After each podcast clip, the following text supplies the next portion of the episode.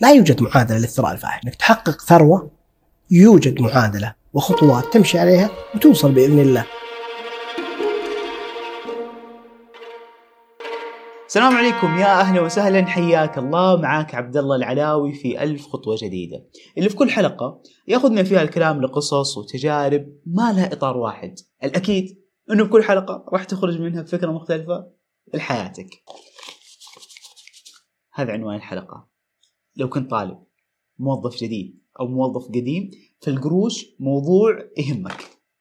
مع ضيفنا عاصم الرحيلي غالبا بعد هذه الحلقة ستشق طريقك لتصبح مليونير. أو لو أنت بدأت في هذه الرحلة فقد تكون هذه الحلقة كمان مساندة لك في رحلتك بإذن الله تعالى. ما أبغى أطول في المقدمات لنبدأ هذه الحلقة الآن. عاصم الرحيلي 21 سنة في الاقتصاد والمال 13 سنة منها في إدارة الثروات درب الآلاف وساعد أضعافهم في الإدارة المالية الشخصية والاستثمار وأسس كذلك مكتب للاستشارات المالية. يعصر لنا كل هذه التجارب والخبرات في هذه الحلقة حول موضوع القروش. أبو وليد لاي درجة تحب الفلوس؟ تفاجأتني بالسؤال. والله أنا أعتقد إن الفلوس تسهل الحياة. بلا خلاف. إي طبعا الفلوس تسهل الحياة. هي, هي ليست غاية في النهاية هي, هي وسيلة يعني. لا بس إيش العلاقة بينك وبين الفلوس؟ علاقة بس آه، إني أحتاجها لشيء وخلاص ولا لا أنت لازم تحب الفلوس عشان تبدأ تجيك؟ لا يعني أنت في النهاية علاقتك بالفلوس تبدأ منذ الطفوله يعني. لما كنت تروح البقالة مثلا تبي تشتري معك ريال غير لما يكون معك ريالين غير لما يكون معك خمسة ريال. يكون مثلا معك فلوس أكثر ما تقدر تشتري أشياء أكثر. اي وبالتالي في النهاية أنا أعتقد الفلوس وسيلة في النهاية ما هي بغاية ما هي بغاية. أنا اللي يهمني أكثر شيء في هذا اللقاء وليد هو الخريج حديثا الموظف حديثا لأنه واحد منه متى هي اللحظة اللي أقول إنه لو وصلت لها هناك أنا قدرت أوصل لحرية مالية جيدة؟ جميل. هو طبعا يعني أنت عشان تفهم موضوع الحرية المالية ما تقدر تعرف المفهوم هذا لين تفرق ما بين الدخل الساكن والدخل النشط. هذا هذا شيء أساسي حتى نعرف وش معنى الحرية المالية. الدخل النشط بكل بساطة اللي هي وظيفتك الحالية. شخص عنده متجر بنفسه هو يشتغل. شخص يشتغل فريلانسر يشتغل بنفسه. أي مصدر للدخل يتطلب وجودك هذا دخل نشط. الدخل الساكن أو الدخل السلبي هو الدخل اللي يجيك بدون ما تحتاج أنت آه، آه، بنفسك تكون موجود. عندك فلوس اشتريت لك شقة أجرتها. هذا دخل ساكن. عندك محفظة استثمارية تدر لك دخل لا يتطلب وجودك هذا دخل ساكن. الآن عرفنا الفرق بين الدخل الساكن والدخل النشط نيجي عند موضوع الحرية المالية. بكل بساطة الحرية المالية أن يكون لديك دخل ساكن يغطي احتياجاتك وهذا أدنى أنواع الحرية المالية. آه هل الحرية المالية درجات؟ نعم درجات، ممكن شخص يقول والله أنا أبغى بس احتياجاتي المالية، شخص ثاني يقول لك لا أنا أبغى كل خمس سنوات أغير سيارتي، أبغى أسافر كل سنة ثلاث مرات، فهي مستويات، وعادة ما يصل لها الشخص إلا بعد سنوات من العمل. بعد سنوات من العمل 15 سنة 20 سنة. آه فهذا هو هذه الحرية المالية، مسألة هل أبدأ أفكر فيها؟ طبعا مجرد ما أنت تبدأ تشتغل يصير عندك مصدر دخل يجب أن تضع ذلك في الاعتبار. أنا وش مستوى الحرية المالية اللي أنا أبغى أوصل له؟ هذه تعتبر أساسيات. أي شخص المفترض يكون عنده تصور واضح إلى آه، آه، الرقم اللي بيحقق له الحرية المالية. واحدة من أساسياتها أو ما راح تقدر توصل لحرية مالية جيدة الا ما تبدأ تفكر في الدخل السلبي زي ما تفكر في الدخل النشط. صحيح؟ ص- اي الدخل النشط هو البداية، دائما البداية. أيوه. أغلب الناس ما ما عنده ما عنده رأس مال، أغلب الناس ما هم أثرياء أغلب الناس، بالتالي بيضطر إنه يشتغل حتى يكون له محفظة استثمارية، طبعا لما نقول محفظة استثمارية هذه يدخل من ضمنها أشياء كثيرة، قد يكون من ضمنها عقارات، قد يكون من ضمنها أسهم، قد يكون منها مشروع. محفظته الاستثمارية هذه كاملة المفترض إنه تعطيه دخل يغطي آه، احتياجاته هذا بحد أدنى طبعا. خليني أسألك سؤال أبو أبو وليد واعرف حتقول لي إجابة رمادية وما. راح تقدر تحدد لي لكن حاول قد ما تقدر تعطيني كذا إيش إجابة واضحة إيش هو الراتب اللي لو وصلت له أنا موظف جديد قدامي لسه خمس سنوات يمكن أقدر أنتقل لشركة ثانية مكان ثاني. آه، آه، يمكن أقدر أسوي لي دخل سلبي يمكن. لكن ما هو الدخل مم. اللي لو وصلت له أقدر أقول إني أستطيع أن أعيش حياة كريمة في السعودية. والله شوف أنا ما في أجوبة طبعا ظهرت. يعني مثلا آه، في بحث سوى آه، إحدى الجهات آه، الخيرية سوت زي الدراسة على على مستوى مستوى ال- ال- الأسرة السعودية. ذكروا أنه ال- ال- ال- ال- ال- الحد اللي أو عفوا ذكروا متوسط متوسط دخول ال- ال- الاسر السعودية اليوم تتكلم عن 13000 متوسط دخل الأفراد تقريبا 7000 فإحنا دائما نفرق ما بين دخل الفرد وما بين دخل الأسرة. رقم محدد أنا ما عندي صراحة. إنه هذا الحد أنت وصلت له أنا أعتقد إنه ما تقدر تحط رقم زي كذا لعدة اعتبارات. ممكن أنا اليوم 10000 بالنسبة لي يكون دخل جدا عالي وبالنسبة لك دخل جدا منخفض لسبب بسيط. أنت والله يا أخي قاعد آه، آه، آه، تصرف مثلا على والديك تصرف على أخوانك. الالتزامات اللي عندك هذه قد تجعل من الدخل الحالي بالنسبة لك دخل منخفض. فما في رقم ثابت أعتقد إنه لكل الناس. وأنا صراحة يعني توقعت هذه الإجابة و... وعارف إنه أصلا السؤال غلط. ولكن يعني صدقا لما تبدأ تتعامل مع العملاء لما تبدأ تشوف السوق تبدأ تشوف الشباب إيش هو الرقم اللي لو قدرت تقول للواحد لو قدرت توفر من راتبك خليني أجيب لك بالعكس لو قدرت توفر من راتبك هذا الرقم إيه. بعد كل المصاريف فأنت ممكن تكون ثري أو ممكن تجمع مليون ريال أو ممكن يكون عندك بيت تمتلكه بعد 10 15 سنة. أعطيني الرقم هذا الفاير ما ما ما في نسبة معينة.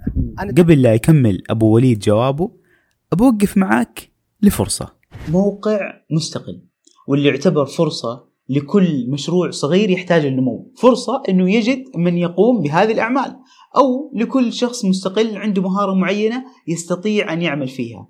تقدر تقدم خدماتك والله في مجال البرمجة في مجال الترجمة في مجال المونتاج التصميم إدارة الحسابات المونتاج وغيرها من هذه الخدمات. اللي تقدر تعرضها وتستقبل أعمال وألف مبروك الدخل الإضافي اللي بدأت بالحصول عليه. ما يحتاج أنك تكون خبير وأفضل واحد وقمة في الاحترافية حتى تبدأ وتقدم خدماتك على هذه المنصة للناس. تحتاج أن تكون قادر على القيام بهذه المهمة ضمن المواصفات المطلوبة والخبرة والاحترافية العالية راح تجي وأنت في السوق وأنت فعلا قاعد تقدم هذه الخدمات بأفضل شكل ممكن. منصة مستقل تعتبر فرصة لك إن كنت صاحب مهارة أو إن كنت تبحث عن صاحب مهارة لتفويض أعمالك. رابط الوصول لموقع مستقل ستجده بوصف هذا الفيديو. أتمنى فعلا أنك تستفيد من هذا الموقع بأفضل شكل ممكن. أنا دائما يتم سؤالي عن ما هو النسبة المثالية للادخار. إيه. ما في نسبة مثالية للادخار لعدة أسباب وأولها اختلاف الناس آه، اختلاف ظروف الناس يجعل من الرقم المثالي مختلف. لكن اللي أقدر أقول لك عليه إنه ابدأ بأي نسبة. ابدأ إن شاء الله ب 3% من دخلك. ابدأ ب 5% ابدأ ب 10% وتدرج في عملية الادخار. بإذن الله أغلب الناس ما يستمر طول حياته بدخل واحد. مو بجالس ب 5000 إلى أن يتقاعد أو 10000 إلى أن يتقاعد. زيادة الدخل مستمرة. فانت بكل بساطة أي زيادة في الدخل خذ 20% منها خلها تنعكس على مستوى معيشتك. 80% ودها ادخار مثال مثال أنا راتبي على سبيل المثال 10000 نفترض. زاد دخلي صار 11000 زيادة صار عندي 1000 ريال. ال1000 هذه باخذ منها 20% 200 ريال تنعكس على مستوى معيشتي إما مصاريفي الشهرية أو الدورية. و80% اللي هي 800 ريال هي اللي بتروح للادخار انت دائما تحاول إنك انت آه، تصنع فائض من دخلك بحيث إنك تستثمره لأنك تعلم يقينا أن المستقبل فيه احتياجات فيه آه، شراء منزل فيه آه، إذا كان مثلا شخص غير متزوج راح يتزوج مصاريف الأبناء دخول جامعة غالبا غالبا ترى ال- الأطفال اليوم الموجودين غالبا إنهم ترى بيدفعون رسوم جامعات في المستقبل. آه والأهم من ذلك كله اللي هو فترة ما بعد التقاعد، أي شخص اليوم يتقاعد بينخفض دخله. بينخفض دخله، بيأخذ راتب تقاعد. طيب الانخفاض هذا كيف راح تغطي؟ كيف راح تغطي العجز المتوقع؟ أن يكون. لديك محفظة استثمارية دخلها يغطي هذا العجز. طيب هل في أشخاص رواتبهم عالية ولكن يصنفون أنهم فقراء؟ آه يعني أنا ما أسميهم فقراء لكنهم يعانون من مشاكل مالية، يعني أنا أنا مر علي الشخص اللي راتبه 90000 وما يكمل الشهر إلا يتسلف. 90000 90000 مر علي شخص آه راتبه حول ال 70000 فعليا اللي يقدر يدخره كان 3000 2500 شيء زي كذا. فنشوف أرقام زي. بينما تجد في المقابل أشخاص رواتبهم ممكن 18000 يقدر يدخر نص راتبه. ومتزوج وكل شيء. اختلاف ظروف الناس اختلاف المستوى المعيشي اللي انت دربت نفسك عليه وعودت نفسك عليه صعب جدا تنزل عنه. فلذلك لذلك دائما أنا أقول للأشخاص اللي تو متوظف انتبه لسلوكك تجاه المال. لأن أي عادات أنت تتعود عليها وتستمر عليها غالبا إيش بيصير معك؟ غالبا دائما راح يكون مستوى الرفاهية عندك يزيد يزيد يزيد يزيد يزيد. فمن البداية أنت تكون حذر في التعامل مع ال- ال- ال- التعامل مع المال وحذر أيضا جدا في التعامل مع أي زيادة في الدخل. تصدق أبو وليد أنا مرة سمعت آه، قاعدة كذا واحد سواليف يعني قاعد يقول قصة كذا وعلى إنه مقطع ملهم وانتشر فعلا. فيقول لك إنه لا تشتري حاجة إلا وإنت متأكد إنه في عندك 90% من قيمة هذا الشيء موجود عندك في البنك. بمعنى لو بتشتري سيارة ب ألف تأكد إنه على الأقل عندك في مليون ريال في البنك. قديش هذه القاعدة فعلا الواحد يقدر يعتمد عليها؟ والله أنا أعطيني الصحيح فيها. أنا يعني أنا أنا من الأشخاص اللي ما أحب أعطي نسب أو أشياء معينة إني أفترضها إنها تناسب الجميع. مثل م- م- للسبب اللي ذكرت لك إياه إنه اختلاف والله ظروف الناس. أنا مم. أنا أشتغل في الاستشارات المالية والناس لما تجيني يعني يجونك ويفتحون الكتاب كامل يقول لك هذا وضعي. فتلقى تفاصيل وتلقى ظروف فما في شيء ثابت ما في شيء نسبة ثابتة بال- بالكلام اللي أنت قلته. لكن اللي أنا أقدر أقول لك عليه أن كل قرار شراء له عواقب وله ملذات. أنت اليوم جيت شريت مثلا كنت بتشتري مثلا سيارة بالسعر الفلاني وقررت إنك تأخذ سيارة بسعر أعلى. كلاهما أنت قادر على إنك تدفع قيمته. آه السيارة الأغلى دفعت زيادة وحصلت على اللذة فورا. المتعة فورا حصلت عليها. فبالتالي يعني هذا هذا هذا هذا عائد إني أنا حصلت على شيء جيد. لكن أيضا له عواقب. العواقب إنه أنت أخذت جزء من المبالغ اللي كان ممكن تروح للادخار اللي كانت ممكن تكبر محفظتك الاستثمارية حتى يكون عندك مصدر دخل سلبي. إضافي. أبو وليد تجربة في انك كنت موظف وكنت طالب جامعي كمان في نفس الوقت وبعد دخل صحيح. احكي لي كذا عنها أكثر. والله أذكر في فترة الجامعة آه، كانوا يعطونا مكافآت 840 ريال أو شيء زي كذا. كانت بالنسبة لي 840 ريال مبلغ بسيط وأنا أحب أعتمد على نفسي نوعا ما عشان كذا أقول لك تحب الفلوس يا ابو أبو وليد مو قضية أحب فلوس بس نطلع فلوس يعني اسلم فاللي صار معي إني أنا كنت أبحث عن ال- الوظائف اللي هي ال part time الوظائف ال- الجانبية. وفعلا أيام الجامعة كنت أشتغل خمس ساعات في اليوم غير ساعات غير غير غير ساعات الدراسة كان في المساء. أشتغل في وظيفة. وكانت تمثل لي دخل ثاني بالنسبة لي. بالإضافة إلى إن كانت المكافآت ما أدري الوضع الحالي لكن المكافآت كانت تتأخر ممكن شهرين ثلاث شهور ما تجيك. وبعدين تجيك مثلا دفعة حق ثلاث شهور كامل فأنت كان لازم يصير عندك مهارات إدارة المال بشكل جيد كيف إنك أنت تقدر تخلي المبلغ هذا معك إلى المكافأة الأخرى. فعليا هذه كان لها يعني التاخير هذا واللي كان يصير في ذاك الوقت آه كان له دور كبير صراحة في في لياقتك المالية. لياقتك المالية. بمعنى اليوم أنت أوكي نزلت لك المكافأة أو جاك الراتب الفلاني آه كيف إنك أنت تمسك نفسك في أول ثلاث أسابيع من الشهر؟ ما تصرف المبلغ كامل. لين تشوف الدخل ال- القادم قرب أو حتى نزل في الحساب ديك الساعة تبدأ إيش؟ ترفع عن نفسك أكثر وكذا. ففكره إنك تروح مطعم فخم ولا هذه تاجلها آخر الشهر. هذه لما أشوف ال- أشوف المكافأة الجاية نزلت في الحساب ديك الساعة أنا فيعني أعتقد إنها يعني كان لها دور كبير صراحة في تطوير مهارات إدارة المال. ظروف الحياة كانت تساعدك بالشكل هذا. إيش المهارة اللي, اللي كنت تشتغل فيها أيام كنت طالب؟ كيف. تعلمتها؟ آه يعني أنا في تلك الفترة كان كان موضوع البحث عن وظيفة آه آه في ذاك الوقت يعني ما كان كثير الوظائف متاحة اللي هي ال part time job أو الوظائف اللي يسمونها الجزئية إيه. آه أذكر إني رحت لإحدى الجمعيات الخيرية ورحت للمدير تبعها كان عندي خلفية عنهم وش يسوون وكذا آه وكان موقعهم الإلكتروني غير غير غير مطور بشكل جيد وأنا كان لي في في التقنية بشكل بشكل ما. فعرضت عليه إني أنا أطور لهم الموقع. تفاجأت إنه قبل في نفس بنفس اليوم. وبدأت أعمل معاه يعني فترة الجامعة وكذا. وأذكر إنه ما كنت شاطر جدا في تصميم المواقع. في ذاك الوقت كان كانوا يستخدمون FrontPage إذا كان برنامج قديم كان في تصميم المواقع. زي زي برنامج ال Word بس على ال website آه وكانت تجربة صراحة جدا جميلة بالنسبة لي لأنها أعتقد كانت يعني في جانب مالي طبعا بلا شك لكن أيضا مهارات التواصل آه، مهارات التعامل مع زملاء العمل كيف إنه يكون عندك مهام. من بدري آه، يعني أنا أعتقد كان لها أثر جوهري في في تكوين شخصيتي لاحقا يعني. أبو الوليد أنت رحت لهم وما كنت أصلا تعرف عن يعني ما, ما لك خلفية كافية عن تصميم الواجهات كذا لكن عرفت نفسك وتعلمت وأنت أصلا على رأس العمل. أنا كان عندي هدف واحد أنا أبغى دخل إضافي.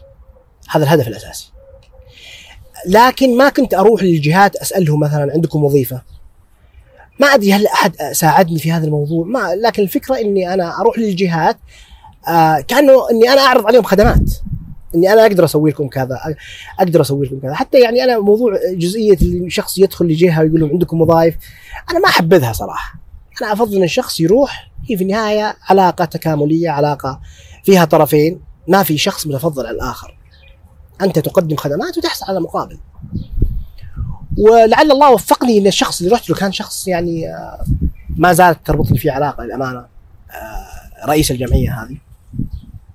آه، فيوم رحت له فهم مني بالضبط إيش أقدر أسوي وكان فعلا عندهم مشكلة. وظفني في نفس اليوم يعني تقدر تبدا أبو وليد ليش بالنسبة لك الادخار قضية مهمة جدا جدا و... وهي قضيتك الأساسية على ما يبدو اللي دائما تسولف عنها؟ والله شوف هو الموضوع هو لعدة اعتبارات. موضوع موضوع الادخار يأثر على حياتك المالية بشكل آه، كبير. يعني اليوم اليوم آه، اليوم أنت ما تقدر تمسك خط آه، رايح جدة بالسيارة مثلا. ما تقدر تمسك خط بدون ما يكون معك كفر احتياطي صح؟ بلا خلاف. طيب أيضا حياتك ما تقدر تمشي فيها مثلا بدون ما يكون عندك امرجنسي فند أو سيولة طوارئ. وهذا جزء من المدخرات. أيضا بالإضافة إلى إنه كلنا في يوم من الأيام راح نتقاعد. ودخولنا ستنخفض بلا شك. دخلك النشط سينخفض بشكل كبير إذا وصلت لمرحلة التقاعد. طيب كيف تغطي العجز هذا؟ العجز هذا لن يتغطى من حاله. يجب أنك من اليوم تتجهز. تتجهز انه يكون عندك مدخرات وهذه المدخرات تعطيك دخل إضافي. أنا أول ما دخلت عالم ال social media كنت أتكلم في موضوع الاستثمار تحديدا بحكم أني أنا جل خبرتي في إدارة الثروات. ولما صرت أتكلم مع الناس عن موضوع الاستثمار اكتشفت إن الناس ما عندها مدخرات جزء كبير من الناس ما عنده مدخرات. والاستثمار هو الخطوة الثانية بعد الادخار. بالضبط بالضبط. يعني إذا يعني كأني أنا أتكلم عن عن عن عن موضوع متقدم. الناس أصلا ما عندها مدخرات حتى تستثمرها. فبدأت أسولف عن موضوع الادخار وكيف إنك أنت ممكن تدخر وكيف إنك أنت ممكن تغير سلوكيات يعني في حياتك. ونتيجه نتيجة لذلك تلقى تلقى أنت قاعد تصنع فوائد فقط. تغير طريقة تعاملك مع المال والنتائج تبدأ آه، بشكل تدريجي تقدر تشوفها ثم يأتي موضوع الاستثمار. تلقى رجال متزوج وعنده أطفال قيمة راتبين ما هي موجودة عنده. يعني لو ينفصل من وظيفته جلس يعني إيش بيسوي هذا؟ يروح يدور أحد يساعده. مصيبة. أسرتك زوجتك أبنائك يراهنون على جودة قراراتك المالية، يراهنون على أنك أنت تتخذ القرار الجيد فيما يخص أموال المال، ويجي يوم من الأيام تورطهم مصيبة. آه هذا هذا فضلا عن عن عن عن مسؤوليتك تجاه نفسك. مسؤوليتك تجاه نفسك إنك أنت على الأقل إنك ما تحتاج أحد يا أخي. على الأقل إنك أنت تدبر أمورك المالية بشكل إنك ما تحتاج أحد في النهاية.